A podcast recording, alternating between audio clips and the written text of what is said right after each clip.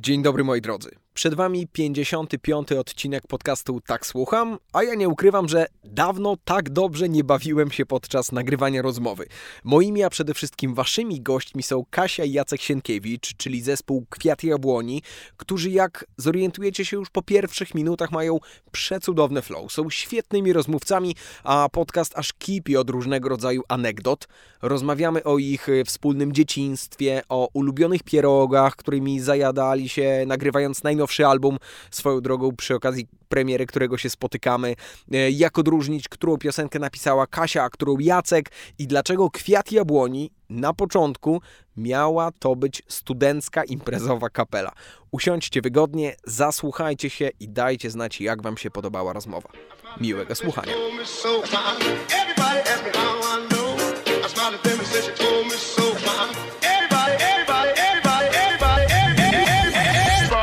Nie ukrywam, że od kilku dni jestem zasłuchany w nadchodzący album, ale to, co zwróciło moją szczególną uwagę, to kiedy pojawił się teledysk do Buki, to dotarłem do informacji, nie było to jakieś super trudne, że Kasiu, ty jesteś odpowiedzialna również za jego scenariusz. Tak, zgadza się. No cóż tutaj. Co zrobić? Co Laury, mogę laury. powiedzieć? E, ja nigdy nie wiem, jak zareagować w takiej sytuacji. Czy- Gratuluję. Jak udawać skromność. Nie no, Ale zależy, co chciałeś powiedzieć. Może chciałeś powiedzieć, że jest Właśnie, dosyć słaby właśnie. teledysk. I odkryłem, że, Że- dlatego to jest takie kiepskie. Że bardzo się cieszę, że jest tylko teledysk do tego numeru, a reszta jest po prostu układką. Żartuję oczywiście. Yy, chciałem Nie, zapytać, tak. skąd takie ciągoty? Dlaczego, jakby, czy to jest dodatkowy? Myślisz o tym, żeby trochę szerzej pójść w tę stronę? E, Ja od dziecka, e, powiedzmy od takiej nastoletności, jestem zainteresowana e, filmem i byłam, jeździłam też na obozy filmowe e, i na obozach filmowych się tym jakoś bardziej zainteresowałam. Tym, żeby poza tym, że film sam sobie jest ciekawy, to też, że robienie filmu e, może być dla mnie bardzo pasjonujące. I od początku e, Kwiatu Jabłoni, mm, też dziękuję Jacku za to pozwolenie. E, robię wszystkie teledyski, ale oczywiście zawsze w, po rozmowach z Jackiem i tutaj Jacek zawsze też ma duży wkład w to. Nigdy nie, nie robię czegoś, co tylko ja po prostu zaproponowałam i nie ma rozmowy, tylko jednak e, rozmawiamy potem o tym wspólnie, ale zawsze wstępne pomysły na teledysk i też reżyseria jest moja, ale, ale wiecie, też uczę się tego cały czas i wydaje mi się, że... Że to nie jest jeszcze na jakimś bardzo profesjonalnym poziomie, ale mam wrażenie, że w momencie, kiedy właśnie robimy to my, a nie jakaś firma odgórna, to wtedy mm, słuchacze bardziej czują to i widzą, że, że, że Jakąś taką Cał- prawdziwość? prawdziwość, no, naturalność, że to wszystko jest naprawdę od nas i zarówno obrazem, jak i dźwiękiem chcemy przekazać to, co czujemy. Wydaje mi Okej. się, że takie bardziej naturalne. I też myślę sobie, że ten, to spektrum, że właśnie dla siebie, że człowiek uczy się na własnym organizmie, czujecie jednak swoją muzę najlepiej, bo to wasza muza, więc też myślę, że pod tym względem jest to super spójne po Prawda. prostu. Tak myślę. Tak, tak jest. No i to bardzo było też widoczne przy okazji naszego pierwszego, pierwszego singla Ever, czyli właśnie Dziś późno pójdę spać, bo ten teledysk nie jest jakoś bardzo spektakularny, w sensie, że nie widać tam jakichś gigantycznych pieniędzy włożonych. Bo E, też ten, nie- ten prom, nie było Bo ich. też ich nie było. A mimo wszystko z jakiegoś powodu cały czas ludzie to oglądają i cały czas te, te wyświetlenia rosną. Więc chyba to, co, o czym Kasia powiedziałaś, to, to, to tak właśnie jest, że fajnie, że mamy taką okazję, że możemy się pokazać w całości jako my. Bo pamiętam taki moment, y, kiedy dwa lata temu podróżowaliście po mediach i jest mnóstwo rozmów z wami, y, wywiadów. Y, Szczerze mówiąc, wracałem kilka dni temu do, do, do, do kilku z tych rozmów. Pamiętam, tam pojawiają się duże liczby odnośnie YouTube'a, tak, że jak te, pamiętam też taką historię, nie wiem na ile ona jest prawdziwa, że wy, kiedy singiel miał 5 tysięcy, to zrobiliście wielką, może nie imprezę, ale gratulacje twórcom. To była impreza. Tak, to była impreza, tak. To była impreza z okazji 5 tysięcy wyświetleń. Czy tam iluś, nie? Ale wydaje mi się, że to Jakby było... nie, mi się wydaje, że nie więcej niż pięciu. No, no. Mi się wydaje, że nawet mniej. To na etapie rozmowy, którą ja oglądałem sprzed dwóch lat, było to 4 miliony, teraz jest 22. 25. To jest 20, o, 25. no, no to proszę bardzo. Śledzimy to nadal codziennie. Czyli nadal organizujecie cyklicznie imprezy. Oczywiście, co, co pięć 5 tysięcy, tak. Do czego zmierzałem? E, Jednym z tych nagrań jest wasz występ na, już nie na Woodstocku, ale na Poland Rocku i, i wtedy ta magia, ten występ ma troszkę mniej wyświetleń, bo się później pojawił, e, ale ta wasza energia, e, osób, które mam wrażenie kojarzone są trochę jednak melancholijnie spokojnie, no to po prostu e, tam e, ludzie pod sceną szaleją i, e, i widać te emocje tak, że można je dosłownie złapać. To też często to zauważamy, że my zawsze inaczej gramy koncerty w zależności od tego, jaka jest publiczność. I tam nie dość, że, że, specy- że ta, ta publiczność jest bardzo wyjątkowa w ogóle na całym festiwalu, to jeszcze ich było tam strasznie dużo, bo pod tą sceną było podobno 70 tysięcy osób i to była najmniejsza liczba, jaką słyszałem, a, propos naszego koncertu. Em, więc to zderzenie z tą, z, tą, z tą gigantyczną masą ludzi no, spowodowała też, że my jakoś chyba inaczej na to zareagowaliśmy i no, my to wspominamy ten koncert jako spełnienie marzeń zupełnie. No. To myślę, że dla artystów wystąpić y, na, na, na Poland Rocku właśnie pod, po, pod taką sceną, zresztą potem też Bączek na waszym koncie No. y, za, za ten koncert zrealizowany w 2020, ale online, prawda? Wiesz co, właśnie on nie był zrealizowany na szczęście. To Okej. znaczy my po prostu tam Co wystąpiliśmy. Bączek. Złoty bączek. A, że, y, bo też dla słuchaczy, y, Złoty Bączek jest nagrodą y, za, według plebiscytu, według słuchaczy, najlepszy koncert na małej scenie y, festiwalu Poland Rock w danym roku i otrzymaliśmy ten poncz, y, pączek, Ten Bączek. tego bączka e, w 2020 podczas Poland Rocka, który był online A, no ze tak, względu na sensie pandemię. tak, tak, tak, tak. I żeby też wiadomo było, co znaczy realizacja. Realizacja Złotego Bączka oznacza możliwość wystąpienia na dużej scenie festiwalu Poland Rock, co jeszcze się nie mogło nie, niestety wydarzyć, bo nie było żadnej dużej sceny ze względu na pandemię. Ale trochę się baliśmy faktycznie, że, że to właśnie nie, to nie będzie duża scena, tylko po prostu zostaniemy występ e, online. I tyle. I tak to się zakończy, ale dzięki Bogu tak się nie wydarzyło. Dlaczego podbijam cały czas tę piłeczkę? Bo zmierzam trochę do tego, chciałbym was zapytać, jakie to jest uczucie wypuszczać y, nowy krążek prawie że równo po dwóch latach z taką myślą z tyłu głowy, że nie wiadomo kiedy ten materiał będzie można zacząć grać na żywo. Wdech i wydech. Podwójna Melisa. Oj tak. My chyba po prostu jesteśmy bardzo optymistycznie nastawieni do, e, do tej całej pandemii. Co do jej końca, co do jej końca. Tak, co do tego, że się niedługo skończy. Bo po pierwsze, mamy już ogłoszoną trasę koncertową na kwiecień od jakiegoś czasu, właściwie od chyba grudnia można kupować bilety. Mm, I ona została tak zorganizowana, żeby nawet przy du- dużych obostrzeniach, o ile w ogóle koncerty będą legalne, żeby dało się, dało się je przeprowadzić. Dlatego stąd wybór y, miejsc tak dużych jak Torwar czy Ergo Arena, żeby po pierwsze miejsce miało status hali lub stadionu, bo od razu wtedy inne obostrzenia dotyczą takich miejsc. Tak. E, I na każdej, w każdym z tych miejsc planujemy wpuszczać tylko 50%, jeśli nie mniej mm, osób. Więc to wygląda jakbyśmy oszaleli, że szykujemy trasę na Torwar i tak dalej. No, dokładnie. A tak naprawdę gdyby nie, nie to, że jest pandemia, zrobilibyśmy to w mniejszych miejscach, ale wyprzedając całość. A tutaj jest właśnie specjalnie okrojona ilość osób i żeby była przestrzeń, żeby to była hala, stadion i żeby było bezpieczniej. No zobaczymy, czy te obostrzenia na tyle zejdą do tego stopnia, jakie mm, były w październiku, bo na przykład w październiku taka trasa byłaby możliwa ta 2020 roku. I zobaczymy, czy wrócą do tego rodzaju obostrzeń na kwiecień. Okej, dalej cały czas podbijam pytanie z A, perspektywy było? jakby artysty, muzyka, Jak twórcy. Tak, wypuszczasz materiał, który no oczywiście rezonuje, y, ludzie go słuchają, emocje, krąży to, ale jednak y, tak mi się wydaje, nigdy nie występowałem na scenie śpiewając, y, ale, ale to zetknięcie z publicznością, to co mówiliście na przykład o Poland Rocku, różnego rodzaju występach, Tak. daje jakiś taki troszkę inny odbiór muzyki. Daje, daje. Jednak e, wyświetlenia nie mówią wiele. E, oczywiście one są ważne, bo po wyświetleniach widzimy, czy w ogóle ludzie są zainteresowani, czy chcą nas słuchać, ale dopiero jak jesteśmy na koncercie i widzimy, jak ludzie reagują twarzami po prostu na, na naszą muzykę. I ciałami. ciałami i, i ustami, no to wtedy mamy trochę, no, mamy taki pełny obraz tego połączenia między nami a ludźmi. Więc to jest trudne, to co się teraz dzieje, że nie wiadomo tak naprawdę, czy my w tym kwietniu wystartujemy, czy nie, czy... Poza tym jest też zwykła tęsknota za koncertami. Oczywiście. I mm, chciałoby się już te, te utwory grać. My się po prostu nie możemy doczekać, bo też napisaliśmy większość z nich ponad rok temu. I one już w nas siedzą od dawna i chcielibyśmy je pokazać ludziom i się e, bawić z ludźmi przy nich. Mamy mnóstwo pomysłów na to, jak, jakie tworzyć interakcje Tak. e, między nami a widownią, no a się tego nie da, no po prostu. A też cie, ciekawe, że dopiero na koncercie dowiadujesz się, które faktycznie piosenki ludzie lubią najbardziej, bo sam tego nie jesteś ostatecznie w stanie stwierdzić. My byliśmy przekonani przy pierwszej płycie, że ulubione piosenki to będzie ta, ta i ta i zrobiliśmy do nich teledyski. Po czym się okazało, że ludzie się najlepiej bawią na koncertach do piosenki Kto powie mi jak, do której nie zrobiliśmy absolutnie nic. I się okazuje, że to powinien był być singiel. Więc zobaczymy dopiero na koncertach, gdzie jest ta największa energia. Czyli poczekajcie, czyli wyświetlenia nie zawsze pokrywają się z... Nie, one, on, one się, po- właśnie to chciałem d- doprecyzować, bo one się pokrywają i to też Ale widać nie na przykład... wyświetlenia, tylko odtworzenia na Coś na, streamingu. tak, na Spotify'u, na Tidalu i tak dalej. Gdybyśmy to śledzili, to Ale byśmy macie wiedzieli. dane, w sensie bardzo mi się to podoba.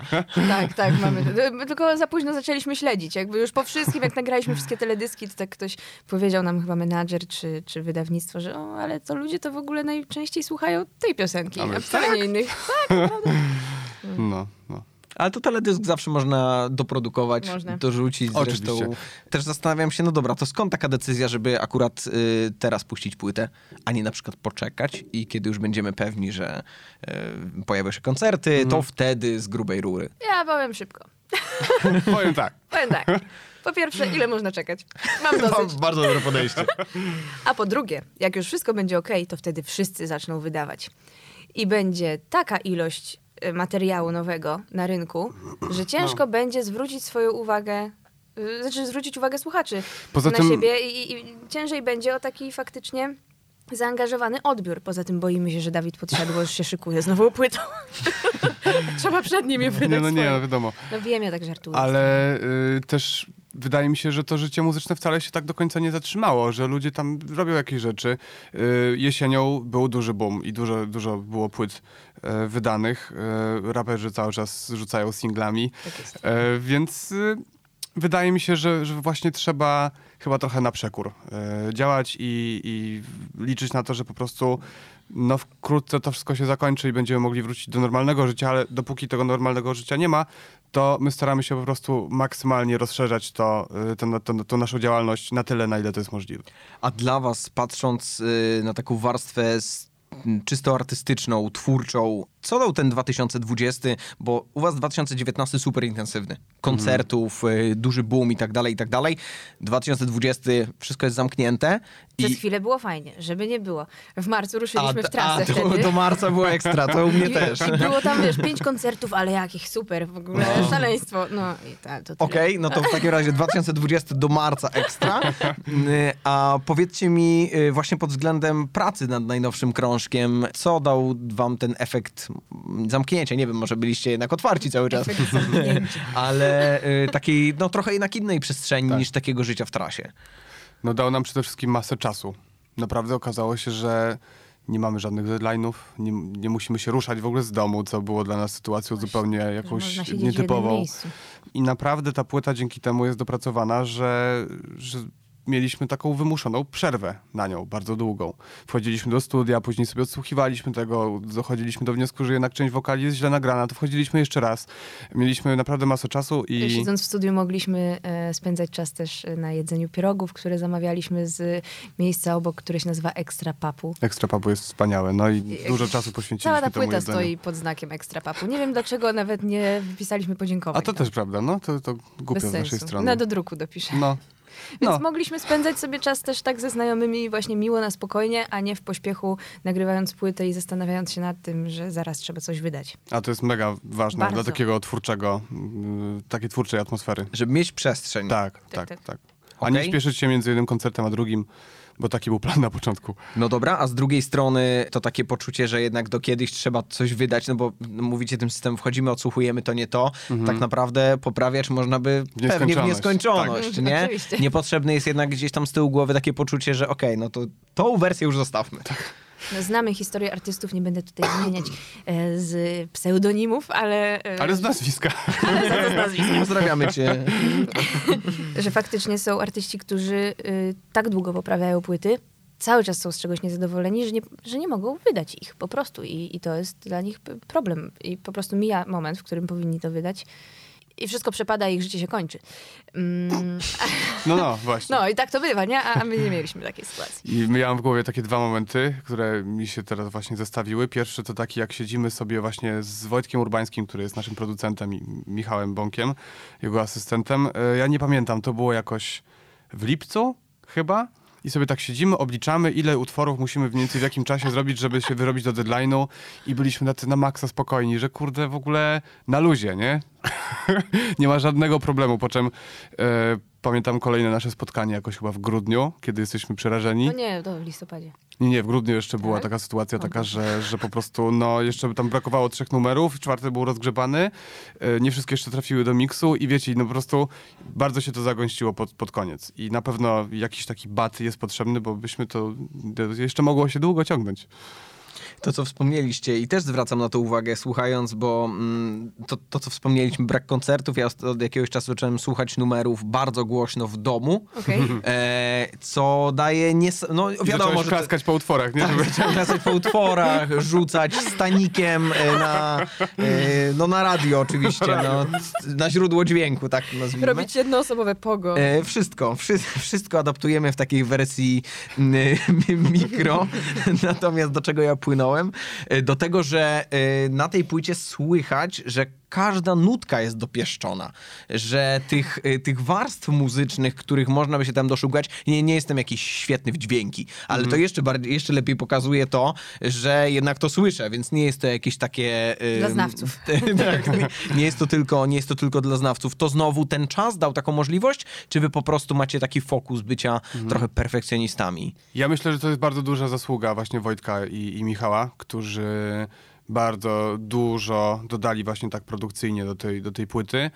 Czyli Wojtka Urbańskiego właśnie, który można powiedzieć, że jest producentem i Michał Bąk, który mm, jest, służył taką pomocą aranżacyjną, wzbo- wzbogacał o różne harmonie nasze utwory i co ciekawe, Michał Bąk jest saksofonistą z zespołu Happy Set. Tak. Takie połączenie Hobbystycznie e, Hobbystycznie gra w jabłoni. No i na pewno to jest ich bardzo duża zasługa, ale też e, to, co mówisz, że mieliśmy dużo czasu, żeby to dopracować. Też często rozmawialiśmy o tym z Wojtkiem, że nam bardzo zależy na takich szczegółach. E, Bardzo często powoływaliśmy się na najnowszą płytę, znaczy ona nie jest taka nowa, ale ostatnią płytę Billie Eilish, gdzie ja jej słuchałem już wielo, wielokrotnie i za każdym razem od, odkrywam jakiś taki, wiecie, smaczek, jakiś coś, czego wcześniej nie wyłapałem i, i bardzo chcieliśmy też taki charakter trochę mieć na naszej płycie, więc no, wszystko się złożyło naraz. Okej, to muzycznie, a tekstowo? Bo to, co Kasiu wspomniałaś, że to są myśli, które latały wam w głowie, no nie dwa miesiące temu, tylko jakiś czas temu. To jest dalej Mhm. Półtora roku aktualne? temu, Jak to dwa się lata temu pozmieniało? nawet najstarsza piosenka ma dwa lata, nie? Mogło być nic. Tak, tak. Czy co, czy nam się pozmieniało myślenie o świecie i się już nie identyfikujemy? O to pytasz? Trochę zastanawiam się, czym nasiąkaliście pisząc te teksty. Mhm, ciężko powiedzieć. Y, Ja, to wygląda tak, że piszemy teksty osobno. Albo Jacek cały tekst, albo ja cały tekst. I każdy z nas ma zupełnie inne sposoby tych y, pisania piosenek i inne źródła inspiracji, tak mi się wydaje. Chociaż piosenki Prawda. ostatecznie są treściowo dość podobne. Mm, I ja najczęściej inspiruję się polską poezją. Czytam sobie, czy też y, poezję śpiewaną, czy po prostu wiersze. Zaznaczam sobie ulubione fragmenty i potem z tego jakoś tak wybieram te najfajniejsze, coś tam tematycznie i jakoś mi to wy- wychodzi. Albo staram się zainspirować właśnie jakimś konkretną książką. Na przykład jest inspiracja książką y, na temat filozofii zen w jednej piosence, to jest piosenka Zaczniemy od zera. I jest też inspiracja po prostu moimi rozmyślaniami, na przykład nad postacią, jaką jest Buka z Muminków. Więc to jest trochę od sesa do lasa, ale bardzo, bardzo dużo czerpię z polskiej poezji. Niezależnie od tego nawet jaki to będzie temat, to staram się poczytać trochę poezji, zanim siądę do pisania, żeby po prostu od najlepszych Poczuć flow. poczuć flow i coś wziąć od najlepszych, jakieś inspiracje. No i tak, ale, ale Jacek w ogóle jest sprawniejszym tekściarzem. O. Mam wrażenie, że można rozpoznać nasze teksty po tym... A, daj spokój. Przestańcie. Nie no, Kasia jest Jest o jedną O mnie więcej, za chwilę. o jedną No piosenkę więcej napisał Jacek na tę płytę. No w każdym razie myślę, że można rozróżnić nasze teksty po tym, że moje mają mniej słów, a Jacka znacznie więcej, tylko że Jacka się trudniej śpiewa, bo Jacek często nie zwraca uwagi, czy te słowa będą śpiewne. Na przykład powiedzmy, zamiast słowa Czy mała nadal... szpileczka jednak była Fajnie, w tej fajnie. wypowiedzi. Nie, ale. Ja, nie, nie Fajne, fajne, ale- chcę źle. Tylko tak, czym można rozróżnić, że to taka ciekawostka. Ty super teksty piszesz. No, oczy- tak uważam. E, Zresztą moje ulubione piosenki z płyty są twoje. Ale mm, chodzi mi o to, że często wybierasz słowa, które są mniej śpiewne. Ja wiem, Na przykład wiem, właśnie też, mm, no, powiedzmy, że można użyć słowa nadal, które będzie śpiewne, a Jacek uży- użyje słowa wciąż, które Które ma jest ci ostre ż- i jest takie... Tak, i trzeba i szybko powiedzieć. I czasami mam problem z zaśpiewaniem tych słów, które Jacek wybiera. No, więc to jest ta różnica. Skończyłam wypowiedź. No to ja tylko dodam, że y, jeśli chodzi o jakieś moje inspiracje przez te ostatnie dwa lata, to one przychodziły nie wiem skąd. To znaczy większość utworów powstała po prostu tak, że coś się działo, coś co mnie bardzo jakoś przejęło emocjonalnie i wtedy powstało początek utworu. A potem już, y, jak już był ten taki pierwszy impuls, to po prostu siadałem i, i przeznaczałem na- sobie na przykład, nie wiem, dwie, trzy, trzy godziny na to, żeby to dopracować i i już y, reszta pracy była raczej taka techniczna, ale właśnie ten początek, on się brał z różnych rzeczy. No właśnie mogło być nic, z- pojawiło mi się w momencie, kiedy zeszliśmy z jakiegoś dużego koncertu, dobrze mi się wydaje? Tak, tak, że ch- chodzi mi konkretnie o pierwszą zwrotkę, że, że ona jest o tym właśnie, o tym w kontraście między tłem ludzi przed sceną, a tą samotnością w, hotelu potem. Ym, czy jak pisałem... e, ale trochę... Dobra, wytnijmy to, nieważne. Nie, no lećmy. Nie, to się tylko, jakie nazwisko, nazwisko którego artysty się pojawi Nie, nie, tutaj nie, w porównaniu. To, to by było złośliwe. Jacek, kontynuuj. E, No, no. E, w- Czy na przykład utwór e, inny, też nie będę mówił może, może który, ale e, usłyszałem pierwszy raz utwór Kasie Lins, e, wiersz ostatni i tak jakoś mnie zachwycił, że, że poczułem, że muszę napisać piosenkę. I oczywiście ona e, nie jest w żaden sposób podobna do, e, do wiersza ostatniego, ale po prostu taki impuls emocjonalny to był właśnie ten utwór, który usłyszałem. Więc one... Bo ciężko napisać piosenkę tak je- jednego, Tak, o. tak o jednego z dni po prostu. No właśnie trochę o to No. pytam, bo ja ile razy rozmawiam z muzykami i ktoś mówi, no bo tutaj to taki numer, taki numer. Jak ja, jakby ktoś mi teraz, słuchaj Marcin, masz dwa tygodnie, napisz numer. Ja nie wiem od czego zacząć i trochę, trochę chciałbym się od was dowiedzieć, bo y, wiele osób mówi, no, że, że jest oczywiście przestrzeń, tak, mamy dużo czasu y, na taką kreację artystyczną, ale co wy w zasadzie robicie w czasie, kiedy wymyślacie numery? To znaczy, to co powiedziałeś, schodzicie ze sceny i gdzieś tam z tyłu głowy pojawia się myśl. Czy macie swoje ulubione czynności, które napędzają to, żeby jednak te teksty wpadały? Hmm. Nie ma żadnej Bo to jest zasady. nieuchwytne, Kurczę, to jest kurde. nieuchwytne. Nieuchwytne, nie ma żadnej, nieuchwytne. Nieuchwytne. to- no tak. Nie ma E, żadnej zasady. to Znaczy po ten prostu- impuls jest nieuchwytny, bo wydaje mi się, że potem mi na przykład się dobrze wymyśla teksty, jak jadę samochodem i mogę sobie głośno śpiewać. I wtedy czy sobie nagrywam to na telefon, czasami na światłach, albo pod prysznicem i potem szybko muszę to zrobić po wyjściu z pod prysznica. Mm, ale to już jest ten późniejszy etap, ten kiedy już wiesz trochę o co ci chodzi i tylko musisz to ubrać w słowa, zrobić to tak, żeby dało się to śpiewać i tak dalej. Ale, Ale ten impulsem początek... może być usłyszenie jakiejś fajnej piosenki, właśnie No. obejrzenie filmu, przeczytanie książki, a może w ogóle e, jakieś wydarzenie. Nie, nie to, że nic. No dobra, Nie kontynuuj, tak, że ja sobie właśnie teraz przemyślę to, co powiedziałem. E, czasami dla mnie to jest po prostu jakieś bardzo intensywnie emocjonalne wydarzenie w życiu. Mhm. E, na przykład odczucie dużej radości z jakiegoś powodu i od razu łatwiej się pisze. A tak jak jest jeden pierwszy lepszy dzień, to się nie da niczego napisać. My Mieliśmy troszeczkę problem przy pisaniu piosenki na Hot 16 Challenge, bo właśnie to było tego rodzaju zadanie, dokładnie. że wiesz, że teraz wszyscy piszą, dostałeś nominowany, no to musisz jak najszybciej napisać. Fajnie sprawdzało, kto jest w formie, nie? Bo to jest na już, teraz, Na już. nagrywaj. No. No, całe szczęście temat był jakoś tam narzucony przez to, że wszyscy byliśmy wtedy nowej, w nowej sytuacji i jeszcze to było świeże, żeby mówić i pisać o pandemii. Jeszcze się wszystkim to nie znudziło, więc y, jakoś w miarę sprawnie nam to poszło, ale no, to, to właśnie było, była taka trudniejsza sytuacja, w której mm, w zasadzie siedzieliśmy zblazowani w domu i nagle się okazuje, że trzeba pisać o czymś. Tak, ale to było właśnie z tego powodu właśnie to było ciekawe, fajne doświadczenie, że po prostu musieliśmy usiąść i zacząć pisać cokolwiek. I jeszcze postanowiliśmy sobie z Kasią na początku, że będziemy pisać co drugi wers, czyli że ja pierwszy, później Kasia musiała do tego dorymować, nie? I tak na zmianę. No kurde, to E. wyzwanie faktycznie. No takie ćwiczenie, nie? Trochę. Trochę. I taka jest finalna wersja. Tak. Tak.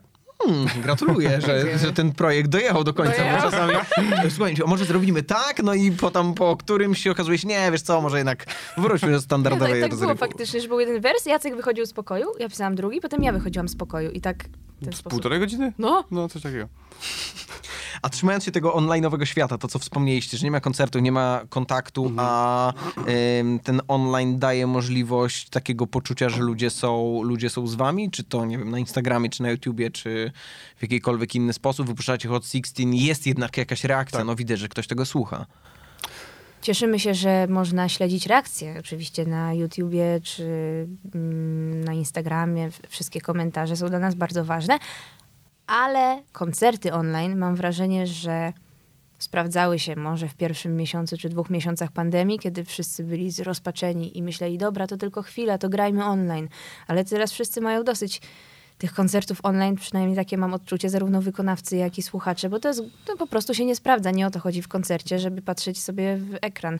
No tak. Poza tym koncerty online przerywają. To jest duża ich Tak, wada, że gorsza jakość dźwięku. niezależnie od tego, jaki świetny jest internet, połączenie i tak dalej, po prostu jak jest streaming, to często są, są przerwy i No i najgorzej jest, jak wiesz, starasz się, grasz piosenkę tu, tu, tu, tu i kończysz po prostu riffem z. Pokemonów tu, tu, tu i cisza. no. I nie wiesz, czy się podobało, czy nie, a potem mówisz, to co, chcecie, żebyśmy zagrali bis? I tam jakiś komentarz, no I tak, ci wyskakują okienka już. O tak, tak, tak, tak, są łapki w górę. Właśnie, super jest, jak widać te komentarze. Ostatnio zagraliśmy taki koncert online, że mieliśmy monitor na scenie, na którym było widać, co ludzie e, myślą i czują i komentowali. Wtedy było łatwiej, bo wiesz, że w ogóle dla kogoś grasz, ale jak graliśmy kiedyś taki, co nie wiedzieliśmy, co To ludzie dziwnie, czują, to, to było dziwnie. bardzo dziwnie. no, no. A powiedzcie mi, moi drodzy, co wy robicie tak na co dzień, na co dzień? Bo chyba możemy zdradzić, że zaraz po naszej rozmowie Jacek na przykład ma egzamin. no Możemy czy nie? Możemy? możemy, oczywiście, oczywiście. No, no dobrze, więc jakby chciałbym się dowiedzieć, co wy, y, czym wy zajmujecie się na co dzień, jak to wygląda u was? No teraz jest super intensywnie płytowo, nie? Tak, tak, Ale tak, kiedy tak. to wszystko trochę przycichnie i zanim ruszą koncerty, bo wtedy to. Tak. Zarobkowo, no to my się zajmujemy tylko i wyłącznie kwiatem jabłoni. Właściwie to jest y, nasz y, takie, takie zaj- zajęcie codzienne. Bo Mm. jak nie ma pandemii, to to naprawdę pochłania 100% czasu. Nawet Tak, więcej tak. niż 100%. I właśnie ze względu na pandemię ja teraz wróciłem na studia, bo y, skończyłem licencjat z kompozycji na Akademii Muzycznej, na Uniwersytecie Muzycznym w Warszawie. No ale przez to, że nic się nie dzieje, y, znaczy nic się nie dzieje, no nic się nie dzieje, jeżeli chodzi o kwestię koncertów, to uznałem, że będę miał trochę czasu na to, żeby dokończyć jednak tego magistra. No, więc teraz się zajmuję komponowaniem różnych rzeczy, przede wszystkim na orkiestrę symfoniczną, bo to jest chyba taki główny temat już na drugim stopniu, y, na tych takich obowiązkowych przedmiotach. Y, Poza tym też bardzo się zainteresowałem robieniem muzyki eksperymentalnej, która łączy brzmienia akustyczne z przetworzeniami elektronicznymi, które się odbywają na żywo y, na scenie. Teraz właśnie nie, nie, będę- nie mogę zdradzić tak do końca, ale właśnie jestem w trakcie pisania muzyki e, na wiolonczelistę, konkretną osobę, z którą właśnie zacząłem współpracować i, i też w tą, tą otoczkę taką elektroniczną. No więc to jest taka jakaś moja zajawka po prostu i chciałem to dokończyć, ale boję się, że jak wrócą te koncerty, to ten drugi rok magisterskich studiów Może może, się nie udać, tak. Okej. To jest częste pytanie. Skarżą się na to muzycy sesyjni w szczególności. Słyszałam o, o historię e, już nieraz identyczne od wielu muzyków, że mm, widzą się z jakąś nową osobą spoza branży muzycznej, która pracuje w czymkolwiek innym e, i pytają, no czym się zajmujesz? No, gram na skrzypcach. Okej, a, a tak zawodowo to czym? E, I nie jesteś w stanie wytłumaczyć, że naprawdę granie na skrzypcach albo no po prostu bycie muzykiem sesyjnym to jest to, czym się zajmujesz. Czy ja też, broń Boże, moi drodzy, nie sugeruję, że wy tutaj sobie wypuścicie Tak. płytę, zagracie dwa koncerty, a poza tym gracie na PlayStation. Nie, nie, nie. Ale gramy. No i to jest moje pytanie. Tak, no więc już mówię. Em, ja tak, po pierwsze kocham ćwiczyć z Chodakowską. Po drugie, e, kocham gotować. Po trzecie, właśnie gram na PlayStation w Assassin's Creed, e, najnowszą część Valhalla. Bardzo fajna gra, polecam. Bardzo fajna. I no i co? Ja generalnie też lubię się spotkać ze znajomymi. Ja mam kompletnie nierutynowy, nierutynowy tydzień. O, mamy dwa razy w tygodniu terapię. Takie zajęcia. Tak ciężko mi się powiedzieć, czym ja się dokładnie zajmuję. Ale ja też kończyłam muzykologię i na przykład moim dużym zainteresowaniem jest radio. I chodzę teraz na zajęcia z tego, jak mogłabym lepiej mówić, bo moim przyszłym planem y, jest to, żeby w radiu pracować. No i chciałem zauważyć, że Kasia cały czas nie, nieustannie kończy studia muzykologiczne. No dzięki, Jacek. E, nie no, ja zaliczyłam wszystkie przedmioty, tylko... Po pierwsze to zaliczyłem. Nie no, po pierwsze mam licencjat, po drugie zaliczyłam wszystkie przedmioty, ale nie mam, e, nie mam pracy magisterskiej. To ja mam tą, sam, tą samą sytuację, więc do, doskonale No. rozumiem i też wiem, jakie jest to trudne. Ale E, ja to kiedyś to zrobię. Bo, bo po prostu byłoby głupio tego nie zrobić. Aż szkoda. Nie no, ja się tak nie śmieję z Kasi, bo ja też mam taką samą sytuację z innymi studiami, w sensie też skończyłem z, prawie Właśnie Na filozofię. tej samej zasadzie. Mam napisaną pracę magisterską, ale okazało się, że brakuje mi tam dwóch punktów ECTS. Z... W ogóle nienawidzimy punktów ECTS tak, oboje. tak, to jest okropne. Wspólna na przykład- pasja. tak. Nienawidzenie punktów ECTS. Tak jest. Ja myślę, że wszyscy nienawidzą USOSa i punktów ECTS. To jest mój, to moim zdaniem, gdyby nie było tego systemu, ja bym szybciej skończyła te studia. One mi tylko utrudniają te punkty, wszystko. Bo też miałam taki rok, kiedy musiałam przez cały rok zaliczać tylko jeden przedmiot, bo brakowało mi chyba pół punktu. Jestem wielkim fanem flow między wami. E, bardzo, bardzo, y, bardzo mi się podoba, bardzo mu y, kibicuję.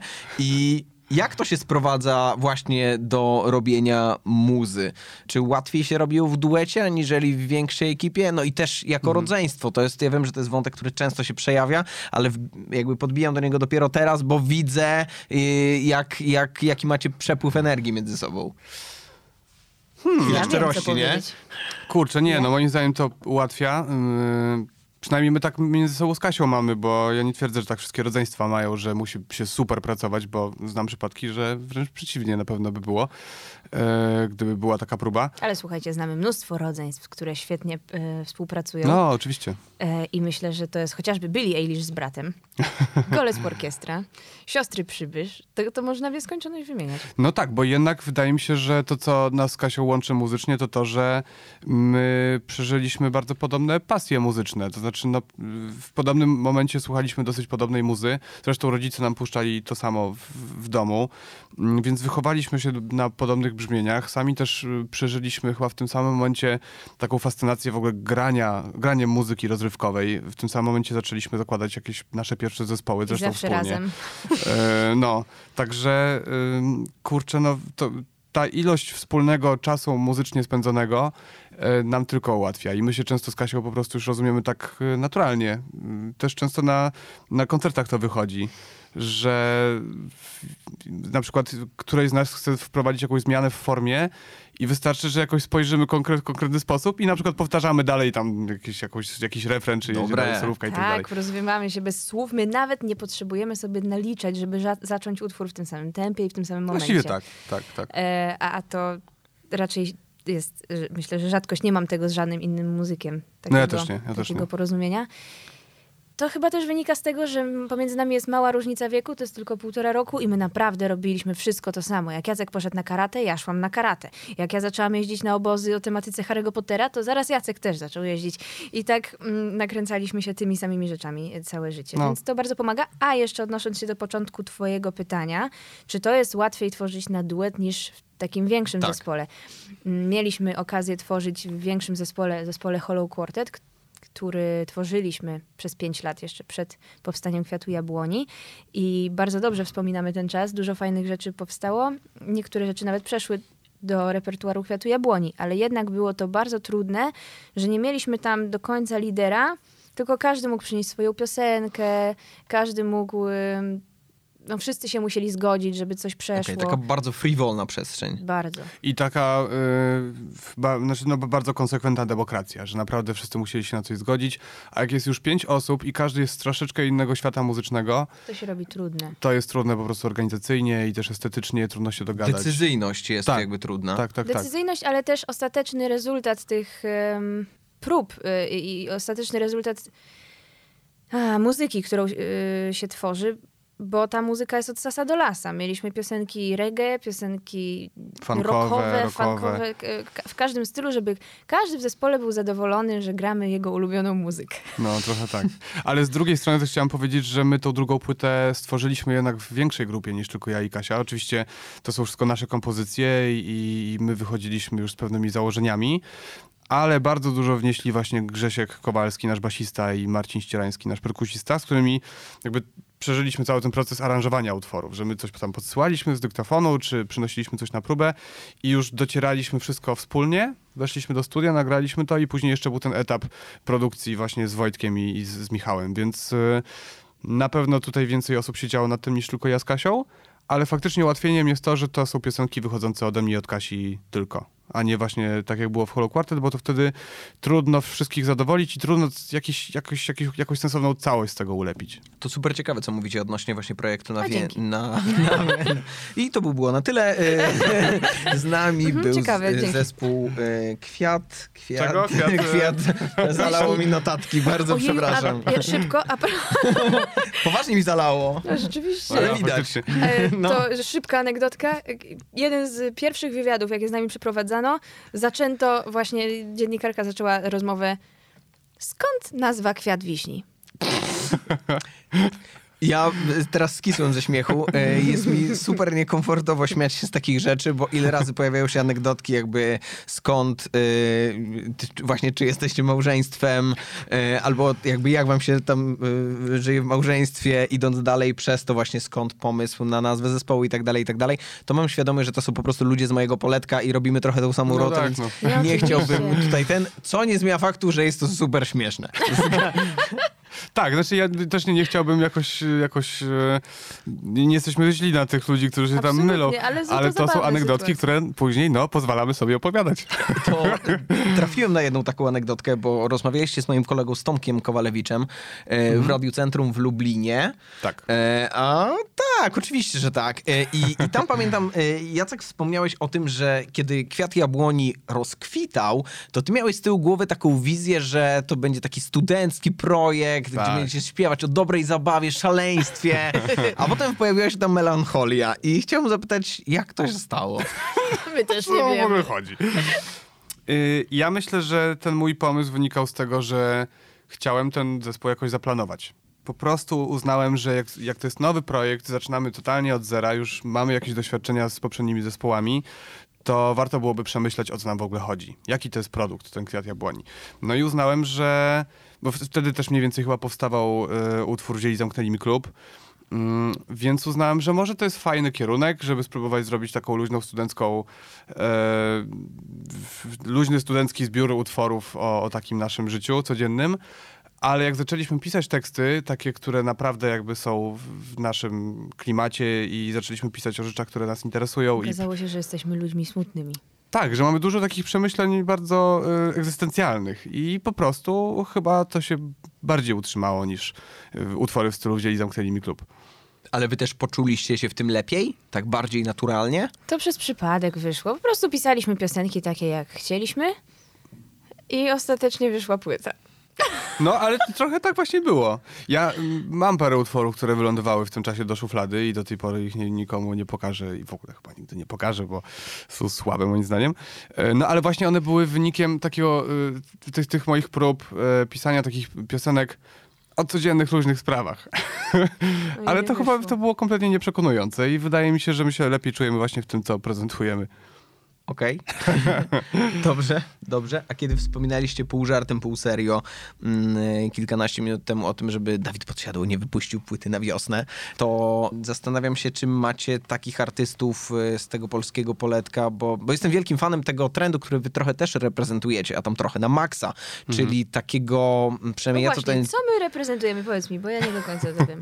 No ja bym to zestawiał jako taki, mm, z mojego doświadczenia radiowego, jako tak, takich artystów, których możemy zagrać w radiu komercyjnym, e, ale oni są alternatywni, bo to nie jest taka typowo pop muza, gdzie zaczynamy już w ogóle od refrenu i zabawa jest w 20 sekundzie, ale jednak jest tam jakaś melodia i ten zaśpiew, żeby ta szersza grupa słuchaczy mogła nucić ten numer w samochodzie, więc z jednej strony sobie myślę, jest trochę tej alternatywy, ale z dodaniem takiego, no Wojtek tutaj na pewno e, poczarował na tyle, żeby ten komercyjny element, nie pejoratywnie, tylko po prostu pod względem tworzenia muzyki y, się pojawił i to ja powiedziałem swoje, a teraz chciałbym, żebyście wy odbili, czy, czy ma to sens ta teoria, czy ani trochę. To jest odwieczne pytanie, czy my jesteśmy popem, czy alternatywą. Już się Odwieczne. kłóciliśmy odwieczne między nami. No, po prostu chyba już była niejedna taka w cudzysłowie kłótnia e, w trasie. Jak rozmawialiśmy ja, Jacek i nasz menadżer, nie mogliśmy dojść do wniosku w ogóle, czy my jesteśmy muzyką alternatywną, czy może można nas nazywać na przykład folk popem. No mi się to 100 źle kojarzy. Ja nie potrafię chyba się z tym zgodzić, że my jesteśmy popowi w jakikolwiek sposób. No i E, właśnie tu się zaczyna, bo ja uważam, że jesteśmy. Znaczy w ogóle trudno chyba o sobie mówić, że jest się popowym, nie? W sensie to, że, że mój zespół to jest taki zespół, który jest popularny. Mm, No, moim zdaniem pop nie oznacza tylko tego, że jesteś popularny. no i to jest właśnie problem, no. No dobra, ale jeżeli trzymamy się tej, bo ja rozumiem popularność w sensie takim, e, że po prostu jesteś super sławnym i wszyscy znają moje piosenki, a, ale chciałbym zapytać o tą warstwę muzyczną. E, No bo jednak wiemy, że ga określone gatunki charakteryzują się jakimiś tam elementami. E, Jak, jak patrzysz Jacek pod tym względem, to Mhm. dalej to nie jest pop? Dla mnie to są po prostu piosenki, e, które są jakoś tam alternatywne pod względem tego, na przykład, nie wiem, że, że bardzo dużo śpiewamy na dwa głosy, em, że te formy często uwzględniają jakieś takie e, momenty instrumentalne, gdzie bardzo dużą uwagę przykładamy właśnie do tego, do, do tego im- improwizowanego grania. Że Mm. mamy w zespole ym, mandolinistę. Tak, że, jest, że pojawia się mandolina, że Kasia często w- śpiewa tak zwanym białym głosem, że dużo jest jakichś eksperymentów w tym wszystkim. A, a mi pop, może wiecie, to też zależy pewnie od, od y, doświadczeń konkretnych osób, które nazywają muzykę, ale dla mnie mi się pop, pop kojarzy po prostu z ta, taką popularną muzyką w Polsce na początku lat 2000, e, nie wiem, ich troje, Ewelina Flinta. Ale to są wyłącznie twoje Mm, skojarzenia. Oczywiście, no ale ja na nich buduję właśnie moje, mój, mój obraz naszego zespołu i raczej bym się nazwał alternatywą i to powiedziałbym, że się inspirujemy różnego rodzaju folklorem. No dobra, a idąc troszkę e, krok A, dalej... przepraszam, cofnę się jeszcze do tego. Bardzo proszę. bo Powiedziałeś, że reprezentujemy nurt właśnie taki i taki, opisałeś, ale kto jeszcze według ciebie to reprezentuje? Jestem bardzo ciekawa, gdzie byś nas wrzucił do, jakiego, do jakiej szuflady z innymi artystami. No jeżeli mogę słodzić, to myślę, że Nie, to spokojnie... nie chodzi o e, jakieś nie, okej. pochwały, tylko jestem ciekawa, z czym się kojarzymy, z jakimi innymi No wykonawcami. ja myślę, że Daria Zawiałow jest tego Mhm. typu zagraniem, czyli z jednej strony, y, a też, też Jacek to, o czym y, wcześniej gadaliśmy, Mhm. czyli ja bardziej postrzegam to tak, że y, pojawia się jeden lub dwa numery, to najczęściej te single Tak, są tak, do tak. ogrania, do podgrzania, a płyta już umówmy się nie jest dla wszystkich, no nie? Że to już trzeba być naprawdę no. y, bardziej zaangażowanym fanem, tak to nazwijmy. Daria Zawiałow, y, no Dawid Podsiadło jest po prostu uważam idealnym tworem muzycznym, jaki da się y, Tak. stworzyć od tego, że wyprzedasz y, Stadion Narodowy z Taco, y, Tak. przez to, że po, do, wszystkie kolaby, no... y, Doskonale to jest zrobione. Pamiętam, dyskutowałem kiedyś z moją koleżanką, z moją producentką o tym, że, że nie da się trochę stworzyć ch- na chwilę obecną, że on nie ma zagrożenia. Zastanawiam jest się poza jeszcze... kategorią w ogóle. prawda? Tak, tak, tak, że co by nie wypuścił, to grubo. E, zastanawiam się, kto jeszcze. No, świetnym przykładem y, też takiego crossowania się muzycznego jest Quebo, y, który wypuścił Bubble Tea. Tak. E, czyli, Z Darią, Y, tak, z Tak. Darią. O, no właśnie, super ciekawe. Czyli numer, który po prostu jest numer y, dwa najchętniej granych radiowych kawałków 2020 w Polsce, Wow. a jednak cała płyta no, mocno rapowa. Te Tak, bity się tak, pojawiają. tak, tak. Więc ja trochę myślę, trochę w tej kategorii. Ralf Kamiński. No. Fanami. Zastanawiam Też się. męskie granie moim zdaniem jest taką muzyką trochę alternatywną, a jednak która się przebiła, no wiecie, do Mhm. najbardziej No tak, Ostry się tam pojawia. Tak, e, tak. Wielu takich artystów, których człowiek na, na pierwszy rzut ucha nie kojarzy z popem właśnie. W ogóle ta ilość kolaboracji mam wrażenie, że jest czymś dosyć nowym na polskiej scenie muzycznej i to jest super. Tak. Że naprawdę ci artyści się przycinają, my się wszyscy przycinamy po prostu. E, My z Kasią coraz częściej zaczynamy się pojawiać w jakichś takich... e, Znaczy teraz to jeszcze nie możemy o tym specjalnie mówić, ale, ale już jeden Wiem, taki... ale nie. Wiem, ale nie powiem. Mm, Że też się zaczynamy ocierać o rap i byliśmy na przykład w wakacje, y, w, uczestniczyliśmy w projekcie Albo Inaczej i robiliśmy nową wersję utworu Eldoki, mm, czyli Miasto Słońca. Mm, I to jest super, że jest jakaś taka przestrzeń, jakaś taka otwartość y, na tej polskiej scenie muzycznej, żeby, żeby współpracować. No. Świetnie, że poruszyliście ten wątek. W takim razie chciałbym zapytać, z kim chcielibyście nagrać numer? Dla mnie marzenie to jest, e, ale to mamy to samo chyba, e, Łona. Tak, Łona i Weber jesteśmy fanami, absolutnie. I O byłoby kurde, super. grubo, no. Znaczy, Bardzo mi się podoba. nie wiedzą o tym, ale, ale bardzo byśmy chcieli. Halo, słyszycie nas? Łona z Weberem, jeżeli słuchacie, to jest tutaj propozycja współpracy. I to oni wam najbardziej gdzieś tam po głowie chodzą? Oni, Mówię, jakoś taka sfera marzeń, tak, tak, tak pytam, z tej kategorii. Ale inny z, z polskiej sceny muzycznej to ja jeszcze i Kasia chyba bo też. Generalnie dla mnie to jeszcze Herbie Hancock, ale nie wiem, czy to się uda. Tak, z takich osób, które mieszkają w tym samym kraju co my, to na pewno Atom String Quartet. Jesteśmy fanami. Zgadza się. Już od, od bardzo dawna. No ostatnio spełniliśmy nasze marzenie i wystąpiliśmy z Kają y, na naszym koncercie świątecznym. Ja jestem w ogóle też od, jakoś od września zeszłego roku wielkim fanem Igora Herbuta i jego najnowszej płyty Chrust, yy, więc jakby się na przykład to udało kiedyś połączyć, to w ogóle byłbym w niebo wzięty. Czy po prostu musimy tę rozmowę rozesłać po polskim tak, rynku dokładnie. i czekać na, na SMS. Na Gratulujemy, świetna płyta. E, odnośnie jeszcze samego krążka, bo, bo płynąc troszeczkę do brzegu, czas nas goni, ja chciałbym jeszcze poruszyć kilka wątków. Jednym z nich jest to, że płyta jest wydana w nurcie eko. Zgadza się. Nie pojawia się tam żadna folia, Tak. nie pojawiają się tam żadne rzeczy, które zatruwają naszą planetę, a jeżeli tak, to są wielokrotnego użytku. Mhm. Skąd taka decyzja, kochani? No bo ten, No bo to Mm. tak. E, ja nie wiem, czy mam mówić, czy mam czekać aż ty... chyba ja po, nie Dobra. wiem, jak ty wolisz. Nie, ja mogę poczekać. No poczekaj. Ja bym chciała powiedzieć, że to wynika z tego, że my w swoich życiach codziennych, ja i Jacek i też nasza cała rodzina staramy się mm, być eko. Jesteśmy weganami, staramy się być tak, żyć w takim duchu zero waste. Oczywiście nie wychodzi to nam aż tak dobrze, jak e, słyszałam o takiej rodzinie, która w ciągu roku produkuje tylko mały kubeczek odpadów. No to, to jeszcze tam nie doszliśmy, ale staramy się w drobnych rzeczach na co dzień pamiętać o tym, żeby być bardziej ekologicznym, żeby mniej zaśmiecać świat, e, żeby po prostu być dobrym dla planety, ale też w ogóle dla zwierząt.